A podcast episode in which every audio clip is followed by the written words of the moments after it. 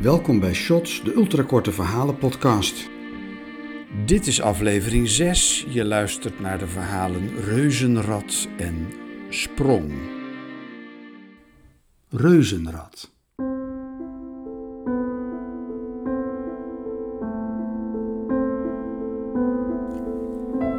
De kermis komt nog altijd naar het dorp in de zomer.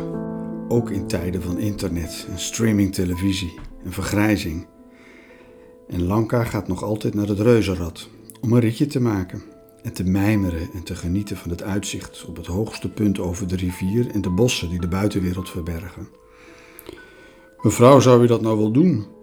zegt de spullenbaas sinds enige jaren, als Lanka krom in een gondel stapt.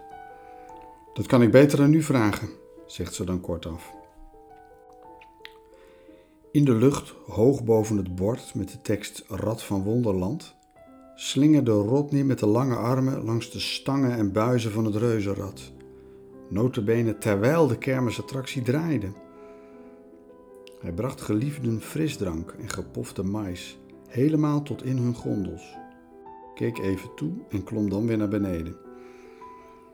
Van alle 16-jarige jongens uit Lanka's tienertijd was alleen Rodney met de lange armen tot zoiets in staat. Alle meisjes bewonderden hem die zomer om zijn armen en biceps en de halsbrekende toeren die hij uitvoerde. Maar verder kon niemand iets met hem, want hij was natuurlijk als een deur. Misschien heb ik hem wel voorgoed verpest, denkt Lanka uit de hoogte. Had ik hem dat kusje nooit moeten geven.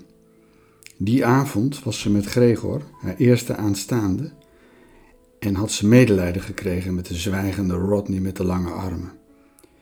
Tijdens hun veertiende rondje in het reuzenrad had ze hem bedankt voor het brengen van nieuwe frisdrank en mais met een lange, stille kus op zijn mond. Na een minuut kon Gregor zich niet meer inhouden en had met een paar stevige meppen een eind gemaakt aan de kus. Maar Rodney was nooit meer zijn oude, naïeve zelf geworden. Wild slingerend, met het bloed uit zijn neus rondspattend over de inzittenden van het reuzenrad, ging hij alle gondels af en bedelde om nog meer kusjes, zoals hij van Lanka had gehad. Dat werd een gegil van je welste, tot de spullenbaas het rad van Wonderland stilzette en Rodney met de lange armen eruit joeg. Hij keerde de volgende dag niet terug bij het rad en de zomer daarna ook niet, nooit meer. Lanka wel, elk jaar weer, ook nu nog, een halve eeuw later.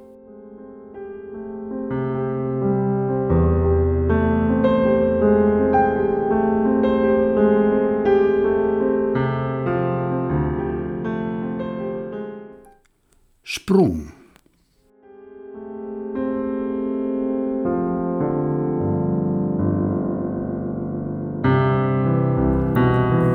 De rots is Lale's geheime plekje.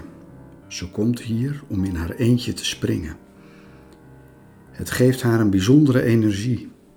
In je eentje springen maakt het totale gebrek aan zelfbeschikking bij meisjes van haar leeftijd in deze wereld van zwaarden en sluiers en machinegeweren een beetje goed. De sprong voert een dozijn meters door de blauwe lucht omlaag naar het helderste stukje oceaan dat je je kunt voorstellen. Lale oefent op de salto. Nu is mijn salto bijna goed genoeg om aan Erol te laten zien, denkt ze. Hij zal trots zijn en dan zal hij op me wachten tot ik oud genoeg ben om met hem te trouwen. Als ze me laten.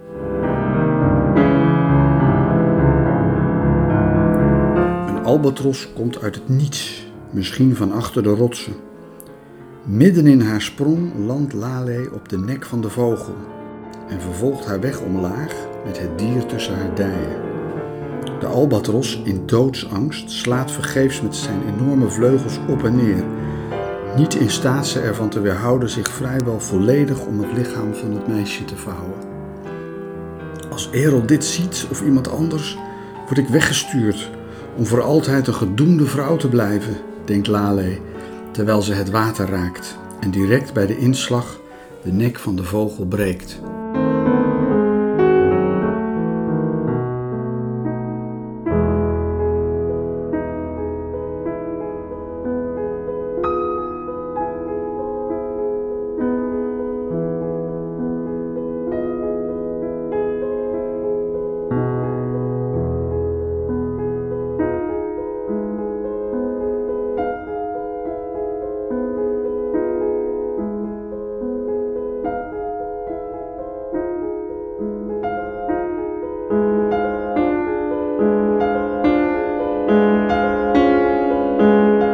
Deze verhalen werden geschreven en verteld door M.H. Vesseur. De muziek, de etude voor piano, opus 39 nummer 2 in A mineur van Sergei Rachmaninov, werd speciaal voor deze podcastserie gespeeld en geproduceerd door Jeroen van Veen. In de volgende Shots podcast weer twee ultrakorte verhalen. Abonneer je nu